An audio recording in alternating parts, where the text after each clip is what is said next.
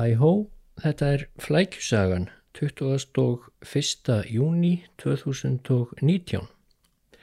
Má leðrétta fadirvorið? Frans Páfi hefur látið það bóðútganga að orðin eigi leið þú oss í freystni í bæninni sem Jésúa frá Nazaret kendi lærisveinum sínum séu þýðingarvilla og þarnist leðréttingar. En er það svo?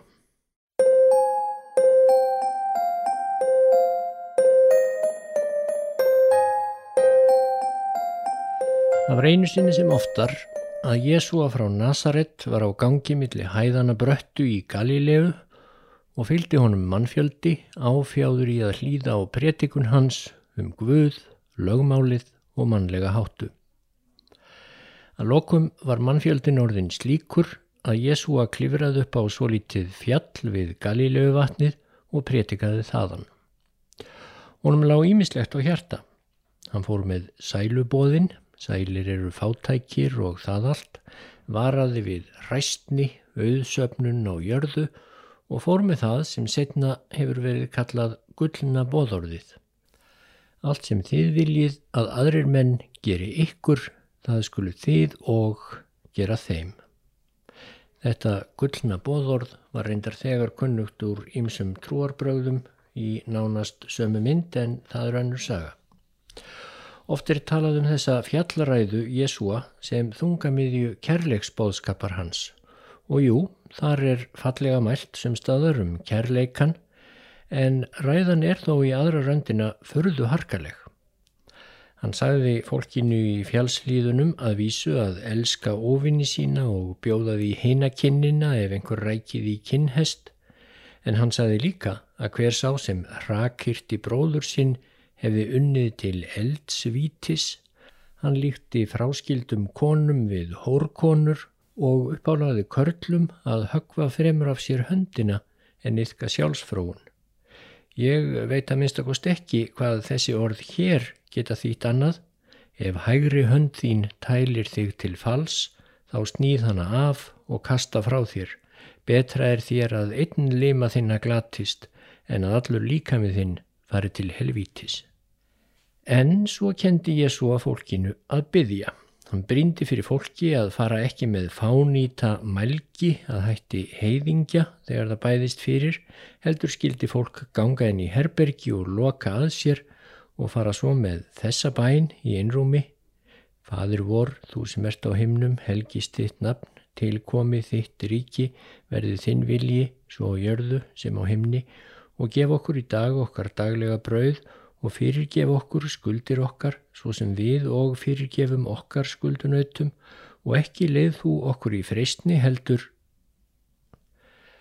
En hér var skindilega greipið frammi fyrir Jésúa í miðri ræðunni. Við hliðans á klettabrúninni, þar sem hann stóði í fjallinu, byrtist allt í einu gamal maður, kvítklættur allur og með litla kvíta kollhúfu á gráu höfðinu, góðulegur maður en ákveðin og rött hans var fyrðu styrk þegar hann tók orðið af Jésúa.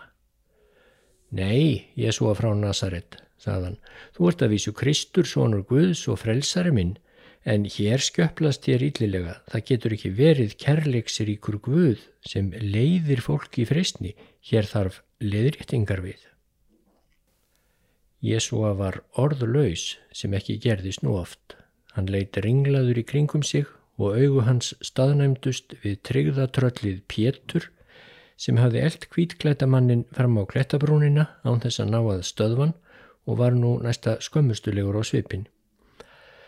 Afsakaðu mistari, saði Pétur í afsökunar tón.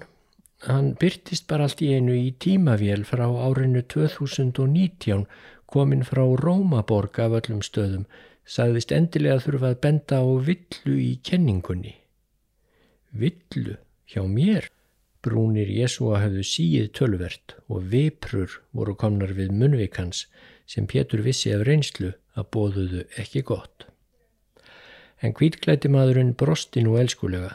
Hann lækkaði rómin og sagði í góðalátlegum samsæristón Það er óþarfi að kalla það villu í kenningunni, Kristur minn, algjör óþarfi.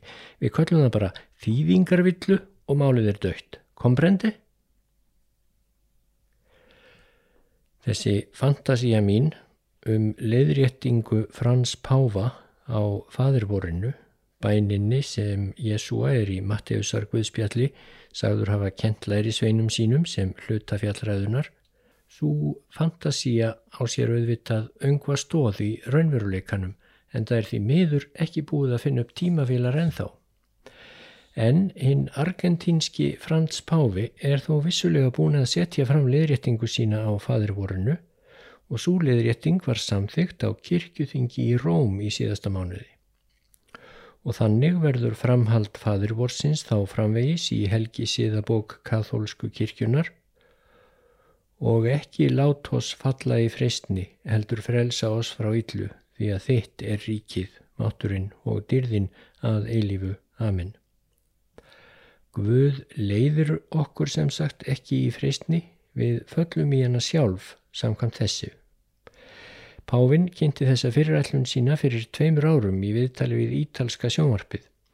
Þar sagðan að ekki leið þú oss í freystni væri ekki góð þýðing því samkvæmt henni er það Guð sem býr til freystinguna en það er ég sem fell, það er ekki Guð sem ítir mér út í freystingar til að sjá mig falla Það gerir fadir ekki.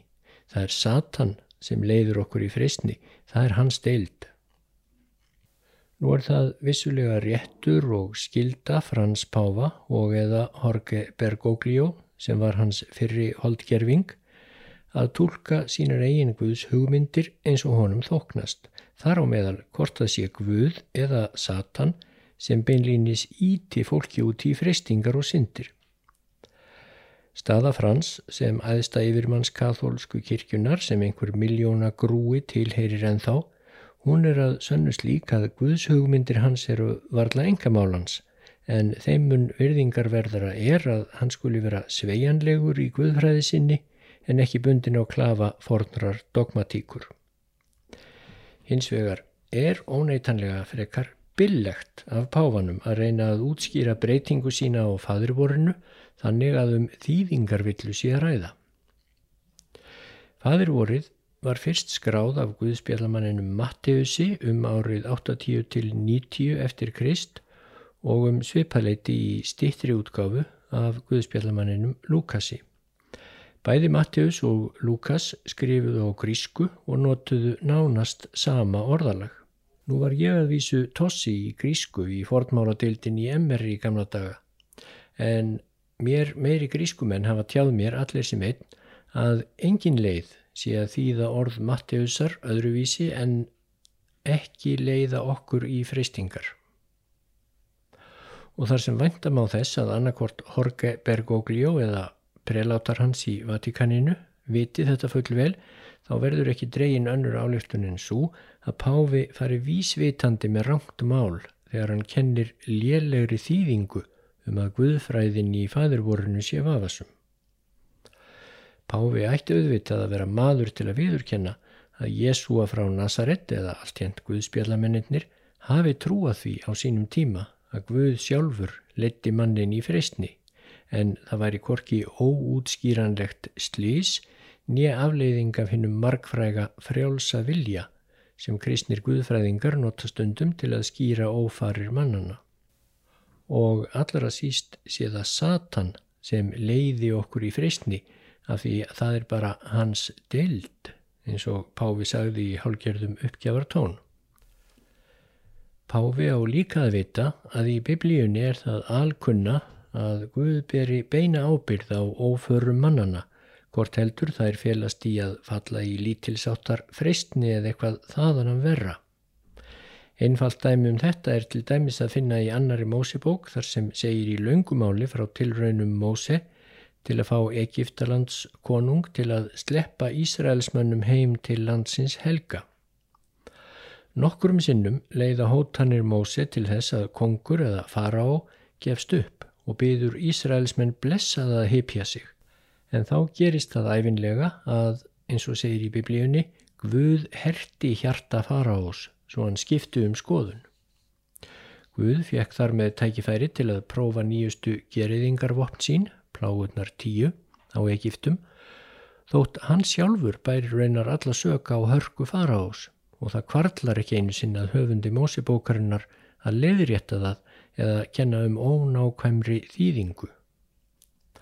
Mósibækurnar og raunar gamla testamentið allt var skrifað áður en það fór að vefjast að ráði fyrir gýðingum og síðan kristnumönnum. Hver bæri ábyrð á því að vondir hlutir kæmu fyrir gott fólk eins og það hefur stundum verið orðað heldur einfældningslega en heimfæra má upp á allt frá freystingum um að borða á mikið súkulæði til þess að verða fyrir geriðingarvopnum. Hvortvekja er einfallega vilji hins almáttu og að guðs í Gamla testamentinu og Satan kemur til dæmis nánast ekki við sögu í Gamla testamentinu nema þá helst sem hálgerður dári Guðs í Jópsbók. Setna þótti það að vísu ótækt að Guð bæri nokkur ábyrð. Fyrst var að vísu reynd að leysa hann undan hluta ábyrðarinnar með því að búa til þá kenningu að freystingar og hörmungar væru prófuraunir Guðs en hún glatti fáa þegar til lengdar létt. Þegar maður er búin að missa mörg börn í klær hungurs og sjúkdóma, styrjalda og náttúruhamfara, þá verður á endanum ansi hólur hljómur í því að kvaka sífældar þakkir til Guðs fyrir þessar prófraunir og býta svo bara fastar á jakslinn. En þá var djöfullin dubbaður upp í sífæld stærra hlutverk, uns hann var orðin svo voldugur að kristindómurinn var nálega hættur að vera engiðist trú heldur meira ég ætti við tvíkiðist trú hins persneska Sarathústra þar sem gott og vond takast sífælt á og eru að endingu nokkuð jafn sterk. Í kristindóminum endaði þessi kenning í þeirri blindgötu að ef 999 manns fórust í sjóslísi þá var það merki um ílsku brögð djöfulsins en ef sá þúsundasti komst af þá köstuðu menn sér á bæn og lofuðu Guð fyrir náð hans og miskun. Þessa blindgötu annaraunar margir inn í ennþá ef í harðbakkan slær.